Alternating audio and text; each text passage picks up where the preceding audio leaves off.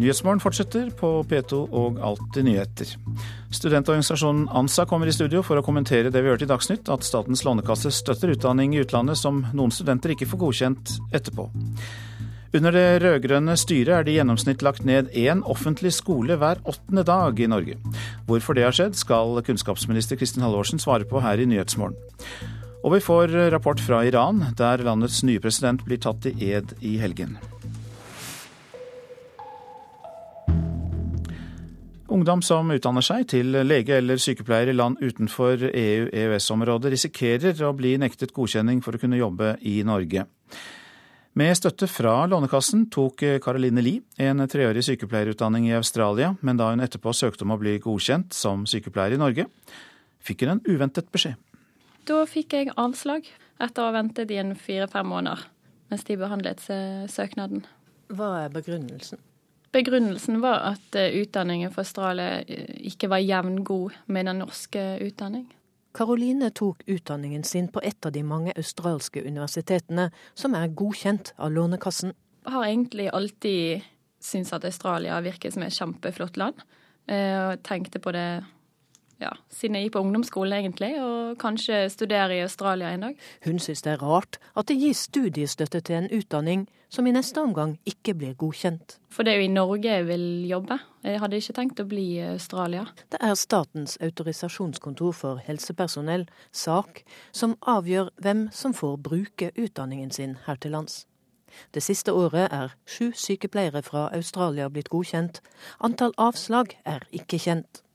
Men noen forhåndsgodkjenning av en enkelt utdanning er det ikke mulig å få, sier kommunikasjonsrådgiver Anette Bryn. Nei, altså Vi i SAK kan ikke gi noen garantier for at man får en autorisasjon.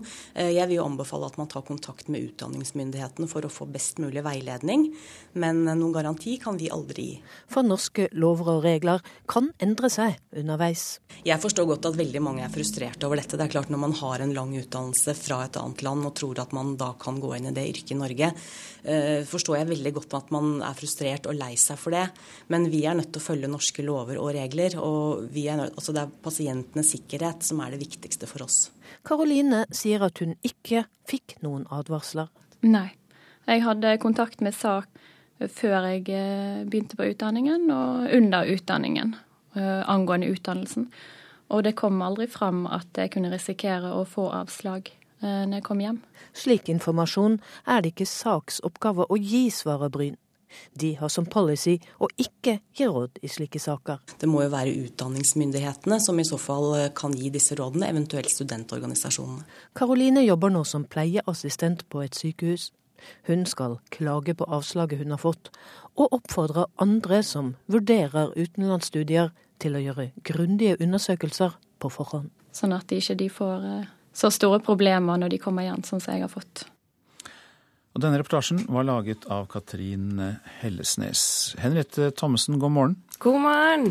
Du er president i ANSA, organisasjonen for norske studenter i utlandet. Og det er kanskje ikke så mange i antall, disse studentene her, men det er veldig kinkig for dem. Så hva slags råd vil du gi til f.eks. sykepleiere som studerer utenfor EU-EØS-området? Vel, eh, hvis man eh, vil ta en helseutdanning utenfor eh, EU, så er det fryktelig vanskelig å få avklart på forhånd om det kommer til å bli godkjent når du kommer hjem. Det er rett og slett ikke mulig for den enkelte student, uansett om de kjenner folk som har fått godkjent utdanningen sin fra samme lærested, at de sjekker studieplan. Det er overhodet ikke noe sted man kan henvende seg for å bli, være sikker og få en avklaring på om du blir godkjent. Vi har veldig lenge etterlyst at det skal eh, kunne eh, vises hva det vil kreve å få en godkjenning når du kommer hjem. Eh, og det mener vi helt klart at det er Statens autorisasjonskontor som må pålegges å mm, informere om. Ja, for de peker jo på utdanningsmyndighetene og studentorganisasjonene. Altså de peker på deg. Hva hvordan oppfatter du det? Nei, Beklager at jeg ler, altså, men eh, det er jo de som skal godkjenne det. Eh, så eh, vi kan forsøke å tolke signaler som vi vil, men det er jo de som sitter med vurderingen om utdanningen blir godkjent. Det stemmer at SAK har sagt også til oss, når vi har henvendt oss for å få en avklaring, at eh, de ber norske studenter henvende seg til norske institusjoner for at eh, utdanningsinstitusjoner i Norge skal anbefale utdanning i utlandet. Jeg føler ikke at vi kom noe nærmere et svar på eh, en avklaring av hva det kreves når du kommer hjem. Men du eh, nevnte i stad at eh, dette Statens autorisasjonskontor for helsepersonell bør eh, da sette opp noen kriterier eller eh, lage en form for liste som vil gjøre det enklere. Hvordan vil den fungere i praksis, etter din mening? Eh, det er Helsedirektoratet som må i så fall pålegge sak å kunne komme med sånn type veiledning. Mm. Eh, og det kan man da gjøre eh, på bakgrunn av studieplan. Altså at så, så, frem til en studieplan inneholder eh, visse kriterier, eh, så kan man gi en forhåndsgodkjenning. Og hun henviser til at regelverk kan endre seg underveis, og det er selvsagt mulig.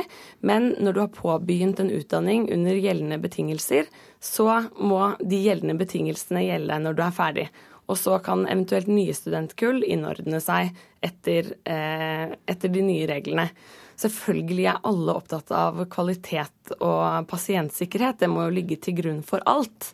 Men vi må jo ha en forvaltning, et byråkrati og en administrasjon som eh, er der for å sikre denne kvaliteten, ikke for å stå i veien for godkjenning av kvalitet. Hjertelig takk for at du kom for å oppklare dette fra ANSAs side. Henriette Thomsen, som altså er president i eh, Organisasjonen for norske studenter i utlandet. I løpet av de siste åtte årene er det nedlagt 370 offentlige skoler i Norge, mens det er åpnet rundt 40 privatskoler. Det er tall fra Utdanningsdirektoratet som viser det. Lederen i Stortingets utdanningskomité, Marianne Aasen fra Arbeiderpartiet, forklarer de mange nedleggelsene med at dette er små skoler med få elever. Det er mange som flytter inn til sentra, og da ikke, har kommunepolitikerne i den kommunen funnet ut at det ikke er grunnlag for skole. Siden de rød-grønne overtok makten i 2005 er det i snitt lagt ned én skole hver åttende dag. Denne uka har Arbeiderpartiet kritisert Høyre for å ville svekke den offentlige skolen ved å åpne for flere privatskoler.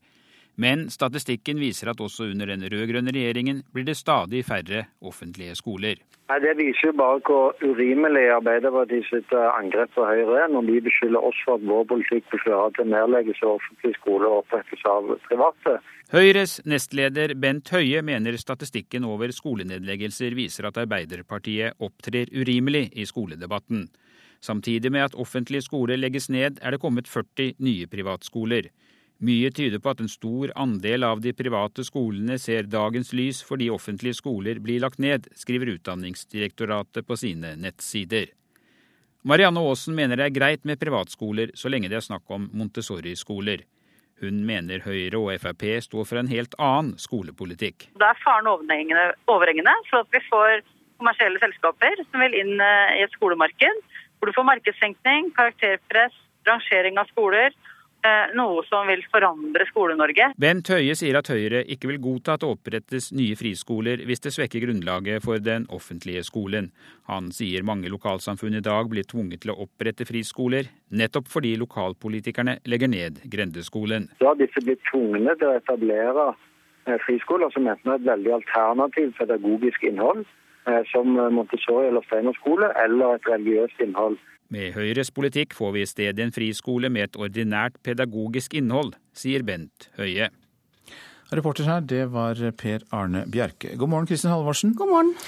Ja, dette må jo kunnskapsministeren eh, svare på. Det blir altså lagt ned en skole hver åttende dag. Og eh, hvorfor skjer det, etter din oppfatning? Det er fordi mange skoler blir for små. Det blir for få elever der, og det blir for få lærere der. Sånn at miljøet både blant elevene og lærerne blir eh, for lite. Eh, for elevene betyr jo det at det kan være vanskelig å finne venner og ha et sosialt eh, godt miljø. For lærerne betyr det at det faglige miljøet kan være for lite. Og 50% av de skolene som er lagt ned de siste ti årene, har hatt 34 elever eller færre. Men så er det da åpenbart vilje og grunnlag for private skoler på noen av disse stedene. Det er jo da til og med direktoratet som sier at det kan være tilfellet. Da er det vel fint med private skoler og private initiativ, da? Ja, Den privatskoleloven vi har nå, den åpner for at man kan etablere privatskoler etter noen kriterier, hvis det er alternativ pedagogikk eller på religiøst grunnlag. Og én av ti nedlagte grendeskoler har blitt erstatta av en privatskole. Så her finnes det en viss fleksibilitet. Men det er jo en helt annen debatt enn den Høyre prøver å rømme fra når det gjelder den omfattende privatisering av norsk skole som de går inn for. Ja, er det egentlig det? Fordi at Bent Høie han sier jo at uh, det skal jo ikke opprettes friskoler som vi hørte her, dersom det svekker grunnlaget for den offentlige skolen. Ja, og nå har jeg spurt dem utrolig mange ganger om hvilke kriterier de vil legge til grunn for at skoler som i utgangspunktet er godkjent av Høyre, likevel ikke skal få starte opp av hensyn til lokale eh, forhold. Og det er ikke mulig å få svar. Sånn at når vi går tilbake og ser hvor mange skoler de ønska å gi eh, tillatelse til å, å starte, private skoler, i 2005, så er det et veldig stort omfang. I mange fylker var det over 20% av de videregående skolene som kunne bli eh, privatisert. Det er en dramatisk virkelighet for eh, Skole-Norge som ville redusert tilbudet i distriktene eh, i veldig stor grad. Og det er det Høyre prøver å gjemme seg unna. Men samtidig så sa jo Bent Høie i dette innslaget at eh, Montessori-skoler og Steiner-skoler, som da er et alternativt eh, tilbud noen steder der det er lagt ned skoler, det er jo private friskoler som eh, ikke har det samme pedagogiske innholdet som ordinære norske skoler. Men med Høyres ordning så beholder man jo da kanskje får man kanskje friskoler som har det ordinære pedagogiske innholdet. Altså får man i pose og sekk. Nei, det man ville få med den loven som Høyre hadde før 2005, det var en omfattende privatisering av norsk eh, skole. Det har vært en viss fleksibilitet i det, eh, de mulighetene man har hvis man er veldig fortvila over en grendeskole som blir nedlagt, har muligheten til å mobilisere sterkt i nærmiljøet sitt, få lærere til å ta alternativ eh, eller faglig påfyll f.eks. innenfor Montessori. Ja, men det må bli alternativskole, ikke vanlig, vanlig ja, norsk innhold? Ja, og det har vært riktig å gjøre, fordi at det er ofte sånn at kommunene har gode begrunnelser for at de minste skolene skal legges ned. Eh, der må selvfølgelig de veie lokale forhold opp mot hverandre. og Hvis elevene får for lang skolevei, eller hvis de klarer å holde et godt faglig miljø rundt skolen sin, så kan det være argumenter på, på motsatt eh, side. Men bosettingsmønsteret, hvordan folk flytter, hva slags elevgrunnlag eh, man har, det er den viktige bakgrunnen for at mange små skoler har blitt lagt ned de senere årene. Det er en helt annen debatt enn den privatiseringsdebatten som Høyre prøver å rømme fra. Og både den debatten og andre debatter får vi høre mer om i valgkampen. Ja. Takk skal du ha, Kristin Halvorsen, eh, kunnskapsminister. Dette er Nyhetsmorgen, og klokka den eh, går mot 7.16 ser det ut til. Vi har disse hovedsakene. Staten støtter utdanning i utlandet som den etterpå ikke vil godkjenne. Det kan ramme de som studerer til lege eller sykepleier i land utenfor EU- og EØS-området. Som vi hørte, 370 offentlige skoler er lagt ned under den rød-grønne regjeringen, mens det er opprettet 40 nye privatskoler. Og vi skal høre at de politiske partiene klager over at det er blitt vanskeligere å få tillatelse til å drive valgkamp i kjøpesentrene.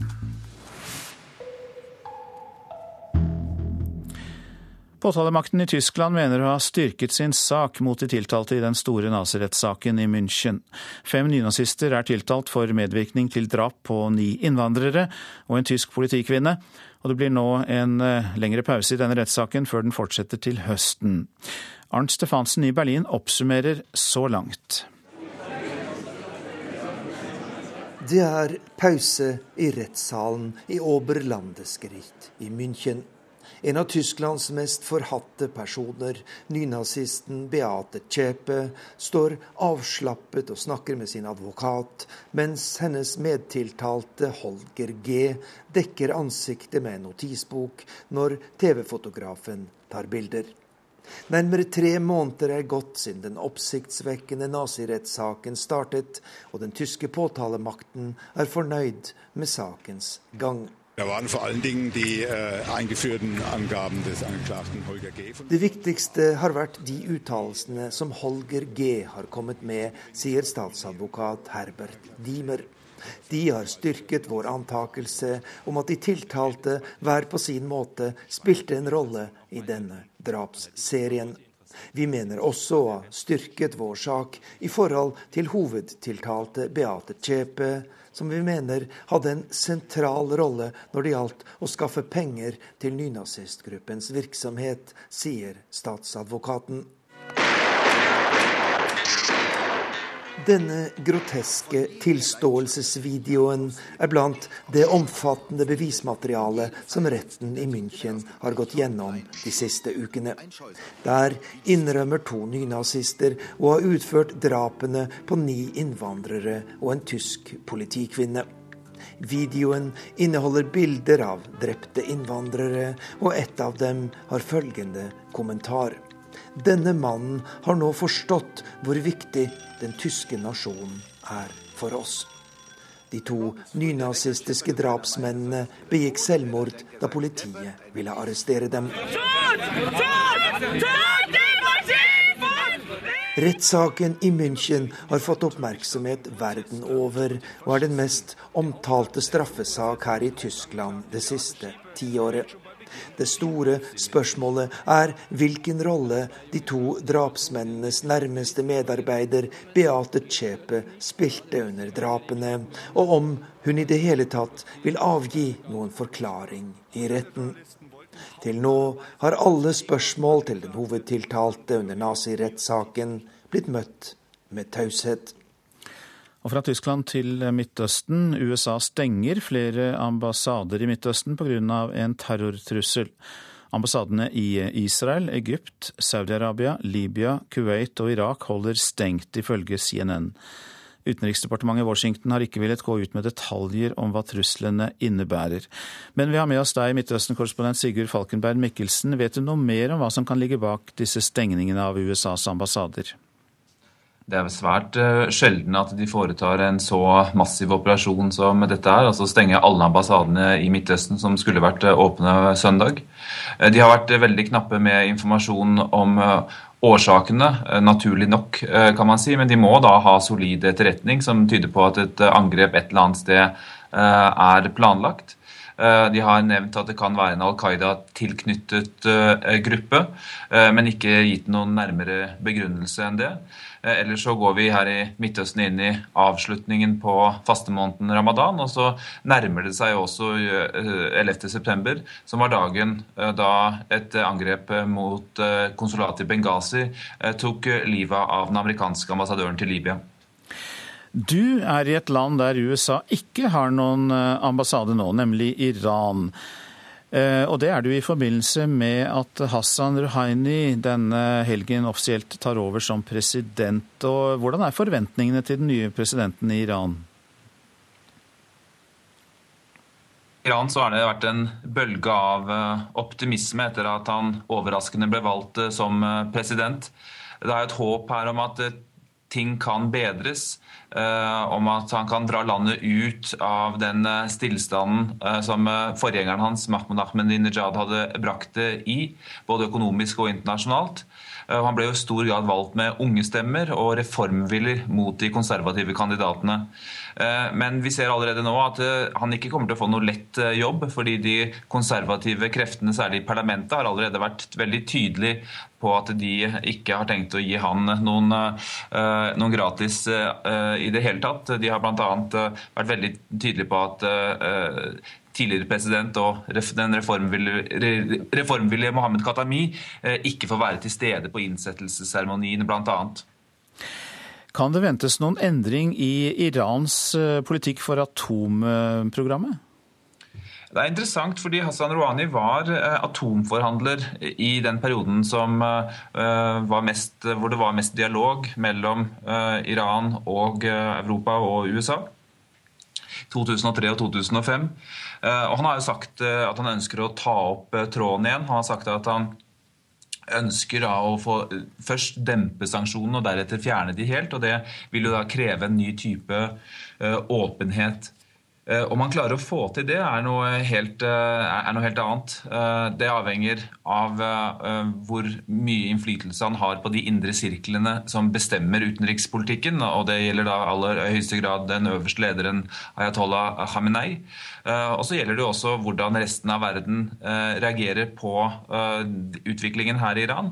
Og der er det også motstridende, motstridende reaksjoner. Vi har sett fra Storbritannia at utenriksminister William Haig har sagt at de vurderer å gjenopprette de diplomatiske forbindelsene hit. Mens Representantenes hus i USA vedtok nye og knallharde sanksjoner mot Iran denne uken. De skal underskrives av Det hvite hus før de, og skal også gjennom Senatet før de eventuelt blir satt ut i praksis. Men det sier noe om at, at det internasjonale samfunn heller ikke taler med, én stemme her.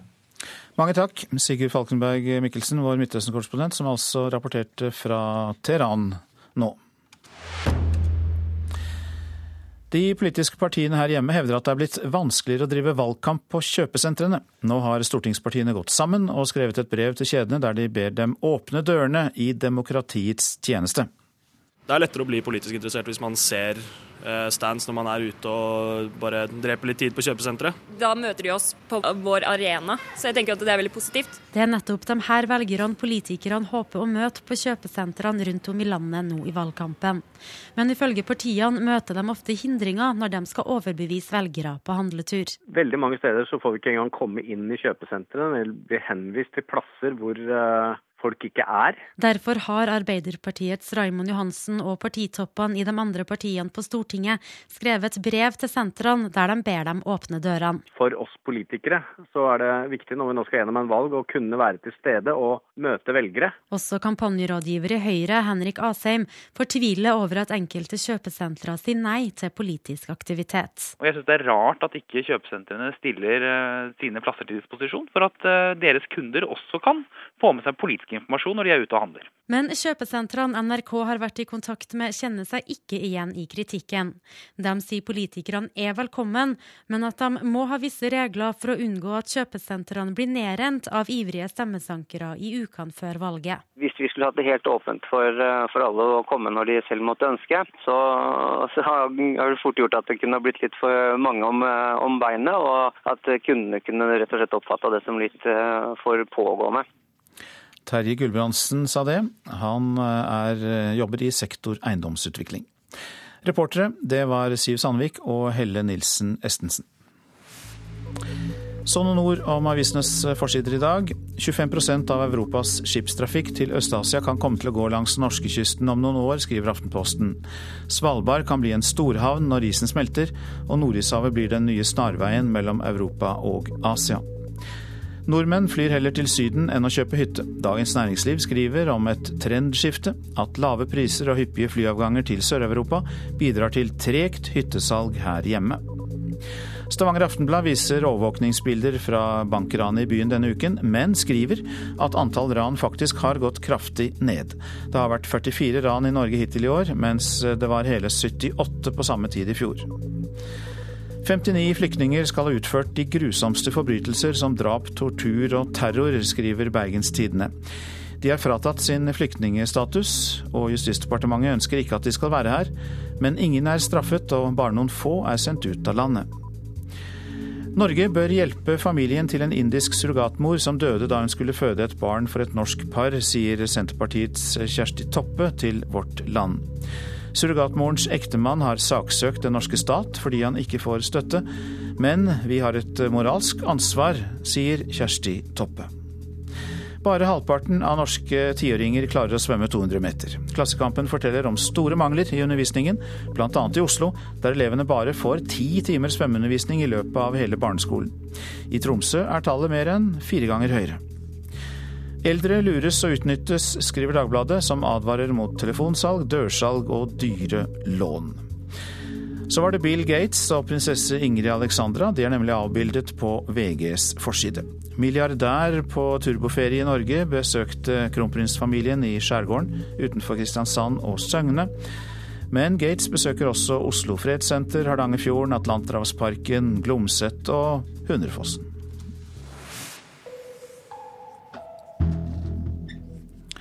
Politiet behandler musikkfestivalene ulikt, mener mange av arrangørene. Det er store regionale forskjeller på hvordan politiet bemanner vaktholdet rundt festivalene, og hvor mye arrangørene må betale. Regningen kommer før festivalen starter, og kan i verste fall føre til at festivalene ikke har råd til å hyre inn de store artistene.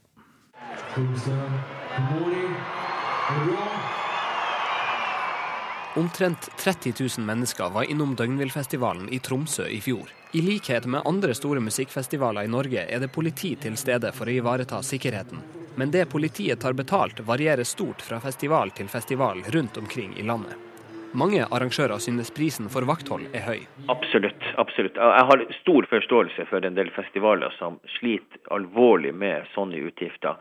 Og det burde vært gjort noe med det. Så jeg syns det burde vært lagt en mal og kanskje en litt mer edruelig måte å gjøre det på. Det sier markedssjef Helge Markusson i Døgnvillfestivalen. I flere år har det vært debatt om norske festivalers utgifter til politivakthold, og derfor sendte Politidirektoratet i 2011 ut et rundskriv for å klarne opp i situasjonen. En fast timesats ble bestemt, men det skal fortsatt være opp til det lokale politidistrikt å avgjøre detaljene rundt bemanningen. F.eks. hvor mange som skal være på jobb. Politiet sender ut regninga for vaktholdet i forkant av arrangementene, og flere av festivalene NRK har vært i kontakt med, opplyser at dette kan være problematisk. Helge Markusson i Døgnvill forklarer at det i verste fall kan føre til at festivaler må droppe store artister. Og Da står valget mellom å enten betale for politi eller få en god artist. og Kanskje i, i ytterste konsekvens så gjør det det at de må takke nei til virkelig gode artister for at pengene går til, å, til et vakthold. Kristine Lankås er fungerende direktør for juridisk avdeling i Politidirektoratet, og fornøyd med ordningen. Hun forklarer at det er mange lokale hensyn å ta når politivaktholdet skal bestemmes. Jeg vil jo si at Det er jo vurderinger som egentlig må gjøres lokalt. Fordi det handler jo om eh, geografi, det lokale stedet der, om publikum som er lokalt. Og det vil nødvendigvis måtte utøves eh, et skjønn. Eh, så det å sentralisere de vurderingene, det er neppe så enkelt. Reporter her, det var Martin Hotvedt. To indiske prinsesser ble 25 milliarder kroner rikere denne uken. Få med deg den historien i reportasjen etter Dagsnytt. Opptjeningen av pensjonsrettigheter til pappaperm er tema når Arbeiderpartiet og Kristelig Folkeparti møtes til debatt i Politisk kvarter. Så tar vi med at produsent for Nyhetsmorgen i dag er Tonje Grimstad. Her i studio Øystein Heggen. Og nå venter vi noen sekunder på Dagsnytt.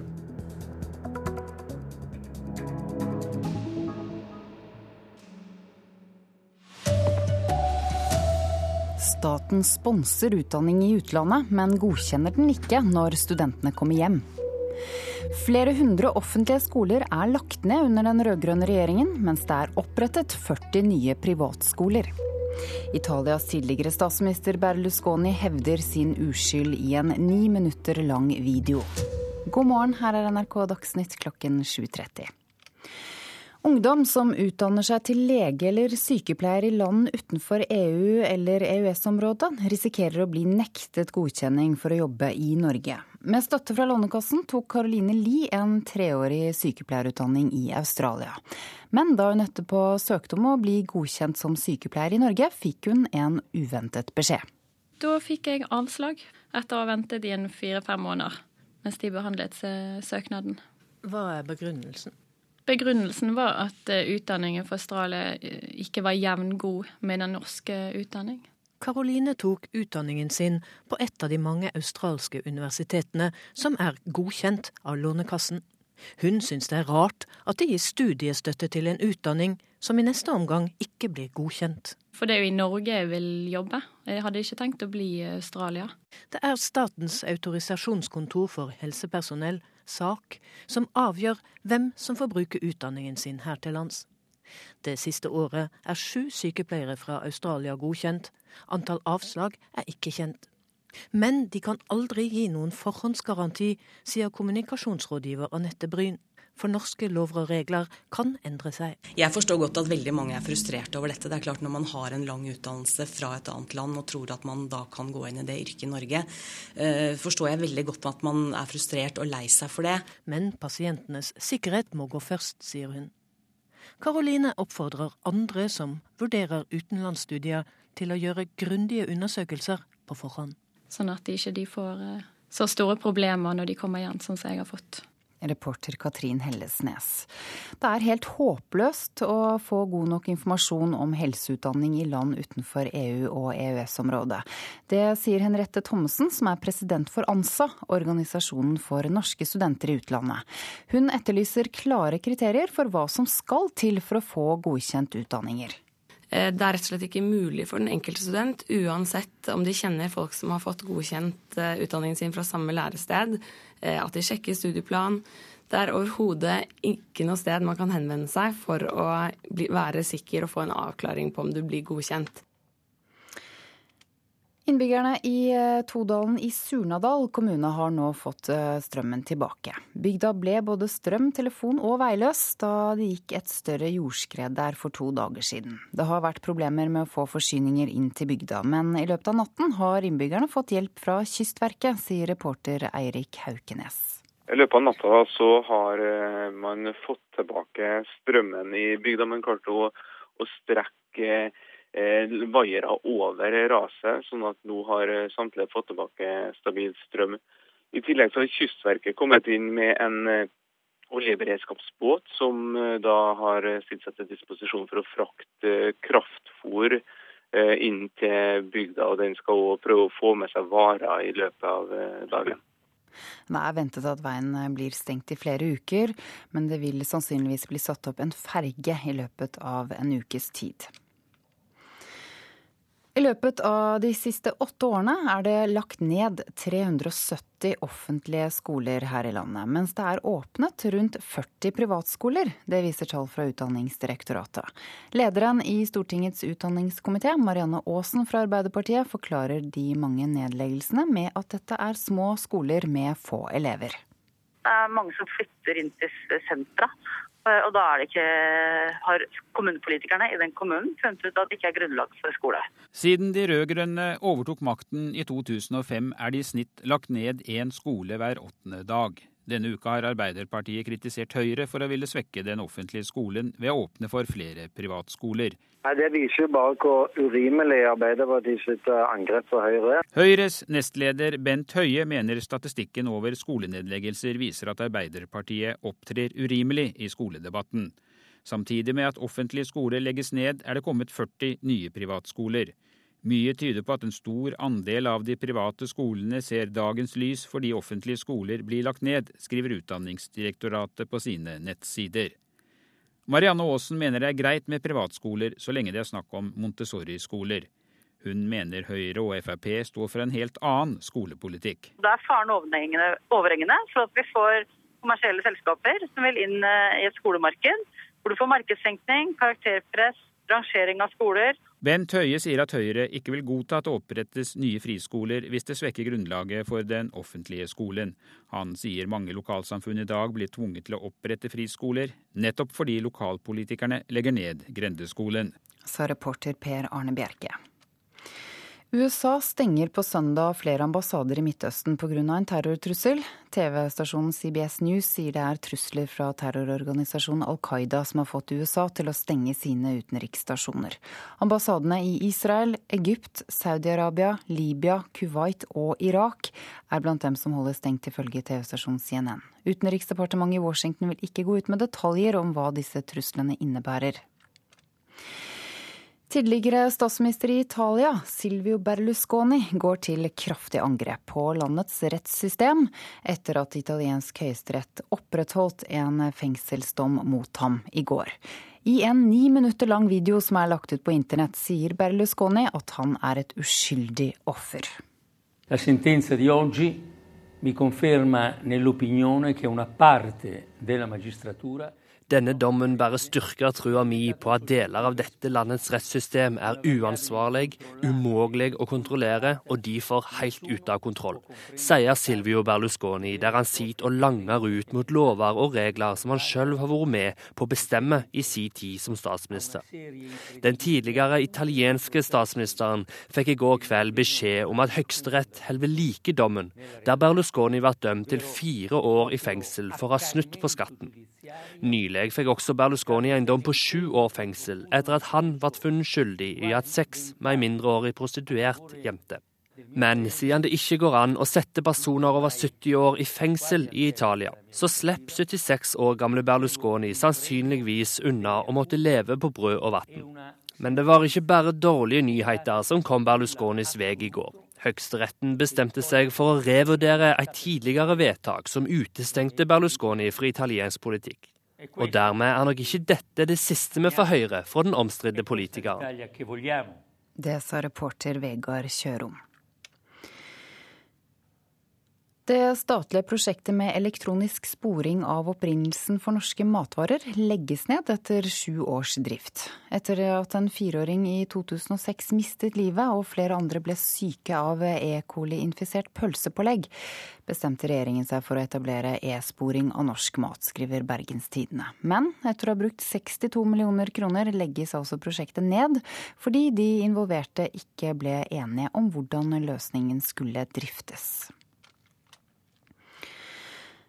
Hjerneslag og hjerteinfarkt øker hos unge i Sverige. Flere svenske forskere tror nå at grunnen er lavkarbodietter med høyt inntak av fett. Blant kvinner og menn i alderen 34 til 44 år har risikoen for å få hjerneslag økt med 21 og 15% siden midten av 1990-tallet.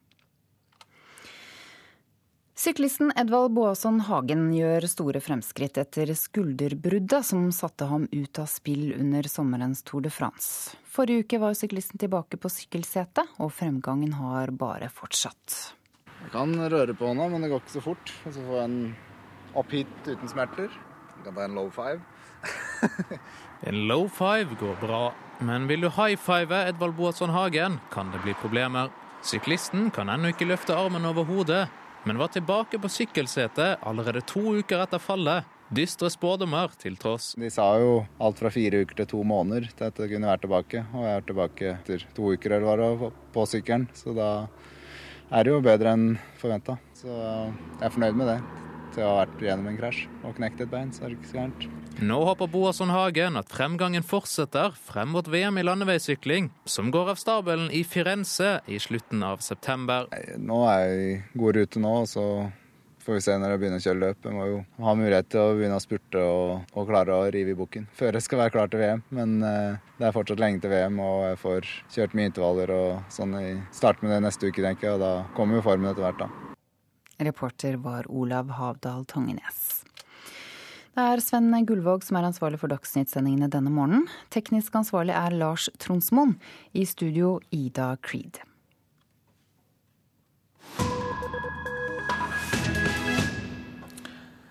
Her i Nyhetsmorgen skal vi til India, der to prinsesser ble 25 milliarder kroner rikere denne uken. Over 20 år etter at deres far, maharajaen av Farid Faridkot, døde, har indisk rett slått fast at testamentet han skulle etterlatt seg, var en forfalskning.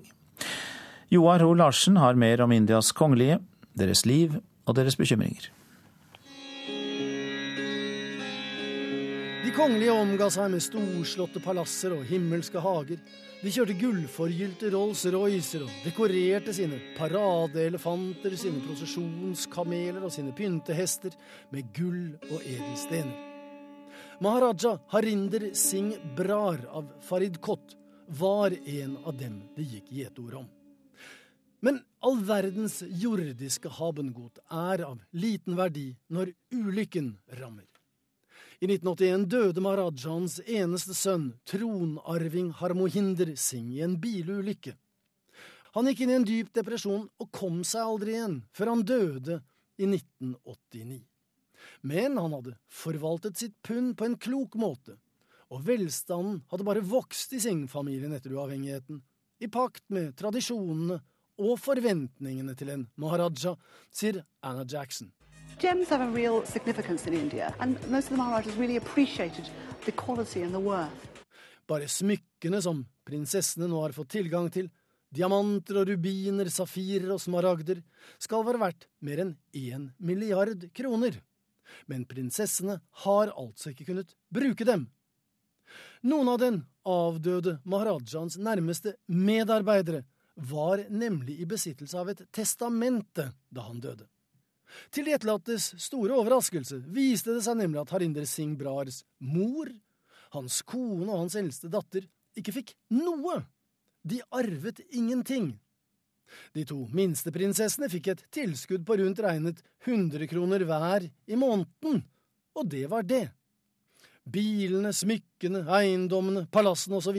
skulle forvaltes av en stiftelse som maharajaen angivelig hadde opprettet før han døde, uten at de nærmeste visste noe om det, En stiftelse der alle hans ansatte, altså tjenerskapet, husbestyrere, forretningsførere og advokater, var representert og tilgodesett. I og for seg en vakker tanke, men svært ulikt Maharajaen, og direkte mistenkelig, ifølge både de som fikk en hundrings hver i lommepenger, og de som ikke hadde fått noe i det hele tatt.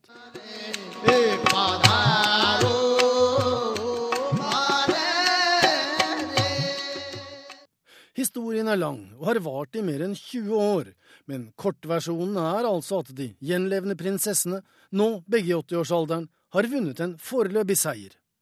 Det kontroversielle testamentet er nå underkjent, erklært ugyldig og dømt som en forfalskning. I prinsippet er prinsessene altså en 10-12 milliarder kroner rikere hver seg. Prosessen har kostet, og noen milliarder er forduftet. Men selv om seieren må være søt, så er den muligens midlertidig. For stiftelsen antyder at den vil anke. Testamentet er ekte, er deres påstand, og de hevder at de kan bevise det. Så etter et kvart århundre venter, etter alt å dømme, nye rettssaker. Og den indiske rettskvernen maler, som man forstår, uendelig langsomt. Så langsomt at alle de opprinnelig involverte fra gammel Maharajans dager etter alt å dømme er gått ut av tiden når en rettskraftig dom foreligger en eller annen gang i fjern fremtid. Dette er Nyhetsmorgen, og dette er eh, hovedsakene. Staten støtter eh, utdanning i utlandet som den etterpå ikke vil godkjenne. Det kan ramme de som studerer til lege eller sykepleier i land utenfor EU-EØS-området. 370 offentlige skoler er lagt ned under den rød-grønne regjeringen, mens det er opprettet 40 nye privatskoler. USA stenger flere ambassader i Midtøsten pga. en terrortrussel. Ifølge CBS News er det trusler fra terrororganisasjonen Al Qaida som har fått USA til å stenge utenriksstasjonene. Ja, det diskuteres heftig om mor får anledning til å overta fars permisjonsuker dersom han ikke vil ha permisjonen. Lars Nehru Sand. Vi tar steget videre i Politisk kvarter og spør om hva når far ønsker, men ikke får lov.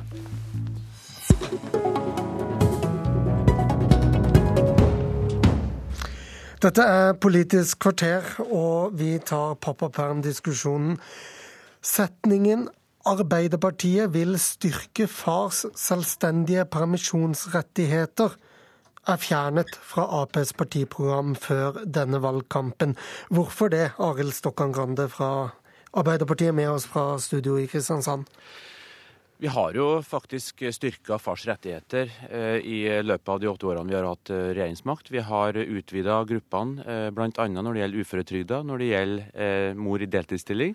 Så vi føler jo at vi nå har kommet veldig langt i forhold til å styrke fedres rettigheter. Vi skal fortsatt vurdere om det er flere grupper som bør få muligheten til å ta ut pappaperm, men vi mener at det må henge sammen med en yrkesdeltakelse, fordi at vi tror at familiene er opptatt av å kombinere jobb og omsorg.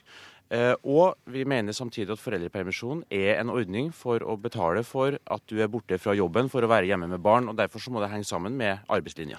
Men 6000 fedre har altså ikke rett til fedrepermisjon pga. mors arbeidstilknytning, ifølge Dagsavisen i går. Sånn må det bare være, altså? Nei, men Det blir stadig færre, og vi har jo utvida retten til bl.a. 2000 fedre. Eh, og eh, det er jo viktig å se at eh, en del av de fedre som er i den gruppen for 6000, er jo fedre som har en samboer eller en kone som aldri har vært i jobb. F.eks. så gjelder jo dette mange innvandrerfamilier. og Vi mener jo at det er viktig at også innvandrermødre får muligheten til å komme seg ut i arbeid, får muligheten til å lære seg det norske språket. og Derfor så vil vi fortsatt hjelpe familiene Eh, til å kunne kombinere arbeid og omsorg. Eh, og da må vi også stimulere til at flere kommer seg ut i jobb. Kjell Ingolf Ropstad, du representerer Kristelig Folkeparti med her i studio i Oslo. Hvor, hvorfor er det ikke kommet langt nok, selv om Stockholm Grand og co. har gjort mye? For meg høres det ut som det er ideologiske stoppere som, som gjør at ikke de ønsker å gjøre noe med det. Det er 6000 fedre som ikke har den retten som skulle være en selvfølge i 2013. Og Det som jeg syns er underlig, er at det ikke lenger er sånn at du får en rettighet fordi du er en far, men fordi at mor, eller mor til barnet, da, altså har vært i arbeid eller aktivitet. Eh, dette gjelder ikke bare innvandrere som Arild Stokkan Grande skyver foran seg. Dette dreier seg om studenter eller noen som er ferdig med å studere, og som dermed ikke har vært i aktivitet. Så for KrF så blir det en viktig oppgave å sørge for at alle fedre skal ha rett til å kunne ta ut sin pappaperm. Jeg tror Kjell Engolf eh, fra KrF kanskje ikke har fått med seg det faktum at eh, når det gjelder studenter, så har faktisk fedre rett eh, på å ta ut pappaperm opptil 30 uker hvis det er 100% og 40 uker hvis det er 80 Sånn her er en del misforståelser ute og går. I denne gruppen som vi snakker om her nå, så er det mødre som aldri har vært ute i arbeidslivet. Det er i stor grad innvandrermødre. Ellers så er det en del velstående familier på Oslo vestkant. Og det er viktig at vi sier at når når vi skal ha en skikkelig god, raus eh, familiepolitikk, en velferdsordning hvor det norske fellesskapet betaler 18 milliarder kroner i foreldrepermisjon alene, så er det også viktig at vi sier at vi mener at vi skal samtidig bidra til at flest mulig kommer ut i arbeid, fordi vi trenger alle hender med på laget. Men, men Stokken Grande, Poenget med pappapermen da den kom, var jo at far skulle få bedre kontakt med, med barn og være en del av oppdragerrollen i, i, i større grad. og Da er vel mors arbeid arbeidstilknytning ganske lite relevant? Det er jo helt eh, klart at eh, Ambisjonen med fedrepermisjon er jo det at eh, flest mulig fedre skal ha muligheten til å kontakte med sine barn. og Derfor har vi jo stadig utvida antallet fedre som har den muligheten. Problemet til KrF er jo at de skal samarbeide med Høyre og Fremskrittspartiet, som jo vil kutte hele pappapermisjonen. Det vil jo, i, det vil jo føre til at mange mange tusen barn mister den muligheten til å ha tid sammen med sine fedre. Så i stedet for å samarbeide med dem, så burde jo KrF heller samarbeide med oss om å stadig styrke styrke flere fedres eh, mulighet til å være hjemme, og stadig utvikle pappapermisjonsordningen og stadig utvikle foreldrepermisjonsordningen, i stedet for å gå sammen men, med dem som vil kutte. Men, men nå gjenger du vekk fra hele poenget. Dette blir en viktig kamp for KrF i forhandlingen når vi vinner valget. Men, men det som er det store poenget her, er jo at av ideologiske årsaker så bruker en familiepolitikken til arena for å drive likestillingspolitikk. For KrF så handler det om barns beste, og det må være utgangspunktet. Og vi tror at det er bra for ungene å ha kontakt både med far og mor. Og det, det provoserende er jo at dette er fedre som er arbeider, eh, som har opptjent sine rettigheter, og som bare pga. mor sin aktivitet eller det at de ikke har vært i arbeid, ikke kan ta den ut. Og det er feil som Stokkan Grande sier, at alle studenter kan ta ut på, eller som har mødre som er studenter og kan ta ut pappaperm. For hvis du har deltidsstudie, så kan du ikke ta ut pappaperm. Men eh, Grande, i serien Hvem skal samarbeide med hvem, vil det da være dumt for SV å samarbeide med dere? Fordi SV vil jo neste periode at alle fedre skal få selvstendig opptjeningsrett, i første omgang til de 14 pappapermukene. Hvordan vil dere i Arbeiderpartiet stille dere til det?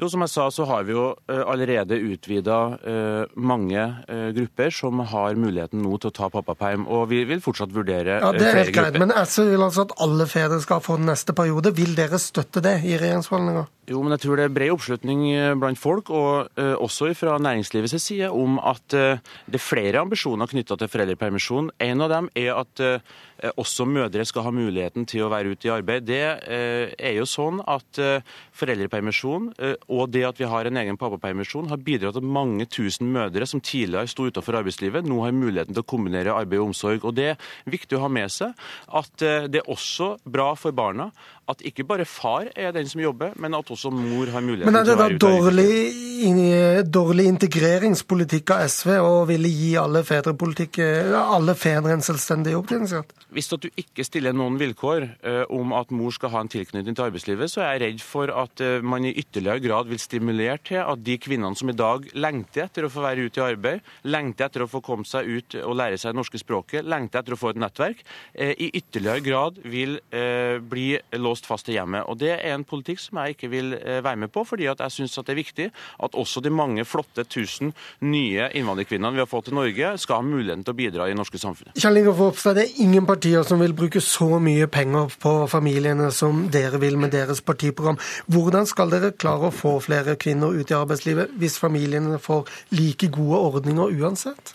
KrF tar utgangspunkt i barnets beste, og vi har tillit til at familiene vet sjøl best hvordan de skal organisere sin hverdag. Og jeg tror heller ingen er i tvil om at hvis KrF kommer i regjering, så kommer dette til å være et av de mest eh, profilerte og viktigste prioriterte eh, feltene som, som vi skal løfte.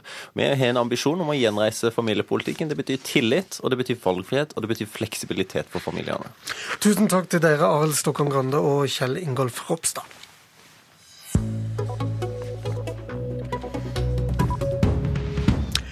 I helgen mobiliserer miljøbevegelsen og Natur og Ungdom mot oljeboring utenfor Lofoten, Vesterålen og Senja. God morgen, NU-leder Silje Lundberg, du er på plass. Hva skal skje? Det som skjer er at Natur og Ungdom har eh, sin sommerleir i Henningsvær i Lofoten denne uka. Da har vi samla 400 ungdommer fra hele verden for å vise motstand mot oljeboring utenfor Lofoten, Vesterålen og Senja. Og på lørdag så blir det en stor folkefest i Kabelvåg. Og da blir det sånn som det skal være på fest. Det blir mye musikk, god musikk. Det blir annen underholdning, litt med olje som bakteppe. Det blir også appeller fra både nasjonale og internasjonale miljøvernere. Og så blir det selvfølgelig også en partilederdebatt med nettopp eh, Lofoten, Vesterålen og Senja som hovedtema. Argumentene for og mot er jo velkjent. Eh, alle miljøpartiene gikk tilbake sist eh, stortingsvalg. Hvordan skal dere klare å få saken på dagsorden i høstens valgkamp? Saken er på dagsorden, men det som vi må greie å gjøre, det for det første å eh, få de som skal stemme, alle de som skal gå til stemmeurnen i september, og avgi hvem det er de ønsker at skal være i regjering i Norge. Vi må få de her folkene som er opptatt av Lofoten Vesterålen, til å skjønne at det de stemmer, det har også en sammenheng med hva det er som skjer med eh, framtida til Lofoten, Vesterålen og Senja. Det er stor... Så det er det som er den største utfordringa. Men, men, eh, det er jo etter alle solemerker stortingsflertall eller blir for å konsekvensutrede.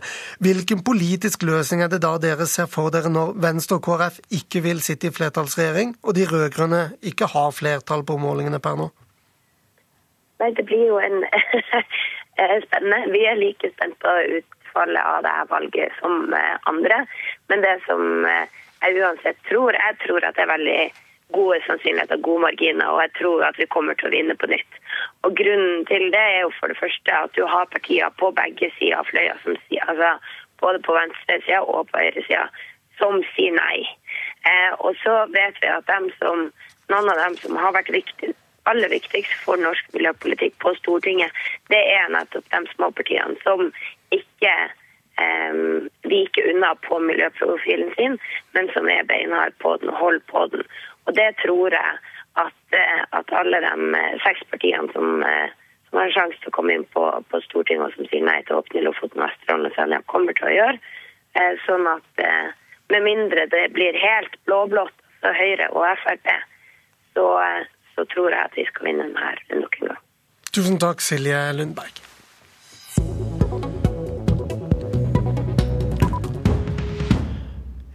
I hele sommer har vi snakket med politiske talenter som partilederne selv har plukket ut. Du finner nå en oversikt over alle intervjuene gjort eh, gjennom sommeren på nrk.no. Sist ut i serien er Ingeborg Steinholt, som er førstekandidat for Rødt i nettopp Nordland. Hun blir introdusert her av partileder Bjørnar Moxnes.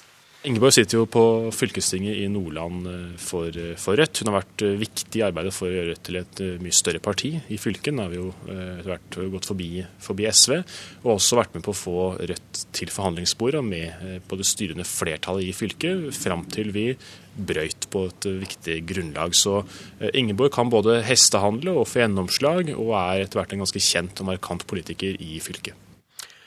Slik blir du beskrevet av partilederen eh, Ingeborg Steinholt. Hvordan ville din mor ha beskrevet deg? Jeg tror nok mamma ville ha beskrevet meg som eh, ganske viljesterk, eh, og at vi har fått et bedre forhold etter jeg flytta hjemmefra. ja vel. Hvis du skulle blitt statsråd, hvilket departement ville du valgt da? Da tror jeg jeg ville vært Helsedepartementet. Hva er du mest stolt over å ha oppnådd eller gjennomført i politikken så langt? Vi hørte jo litt fra Moxnes. Jeg tror nok det jeg er mest stolt av, er det han Bjørnar nettopp nevnte, det her med at vi faktisk var med og styrte i Nordland et års tid. Eh, og at vi klarte å balansere det og eh, var et parti som vi vant med være i opposisjon, med det å samarbeide med SV, Arbeiderpartiet og KrF eh, i fylket. Hvor vil du at Rødt sitt partiprogram kan eller skal forbedres, hvis du bare kan nevne ett tiltak? Jeg syns Rødt har veldig mye bra politikk, eh, men vi har fortsatt en del å gå på når det kommer til distriktspolitikk. Eh, som veldig mye, mange andre partier og medier, så styres jo mye av politikken fra Oslo. Og jeg tror at politikken er tjent med at stemmer fra distriktene blir mer hørt, òg i Rødt. Hva vil det si å kalle seg revolusjonær i 2013? For meg så eh, vil det si at man er for helt grunnleggende demokratiske forandringer. Og Et eksempel på en sånn forandring det er uh, f.eks. det når damer fikk stemmerett for 100 år siden. Uh, og Hvis vi ser på Europa i dag, så er det sånn at en liten elite styrer både økonomi og finans. Og det har ført til at millioner unge er i arbeidsløshet.